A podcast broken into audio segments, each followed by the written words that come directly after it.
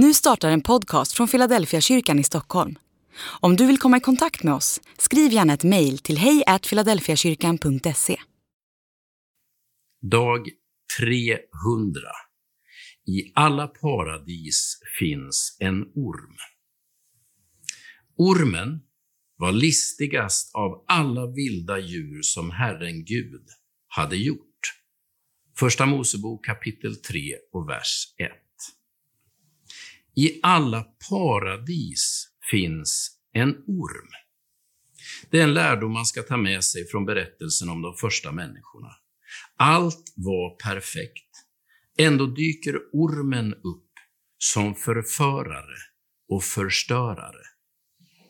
Varifrån kommer ormen och varför kom den? På det finns egentligen inget svar, bara att den kom.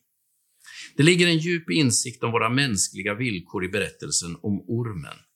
Den beskriver en erfarenhet som de flesta av oss tvingas göra förr eller senare i livet.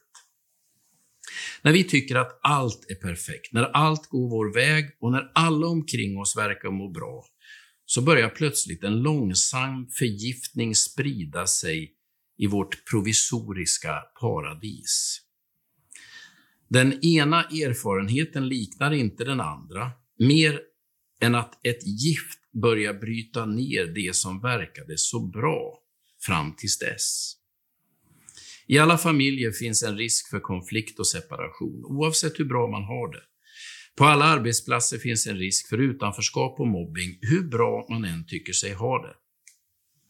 I alla församlingar och föreningar finns frön till splittring, oavsett hur framgångsrik och välfungerande de är. I alla paradis finns en orm.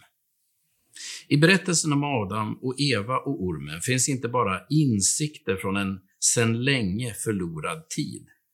Där finns insikter som är lika aktuella idag. Och ormen är mer aktuell än någonsin.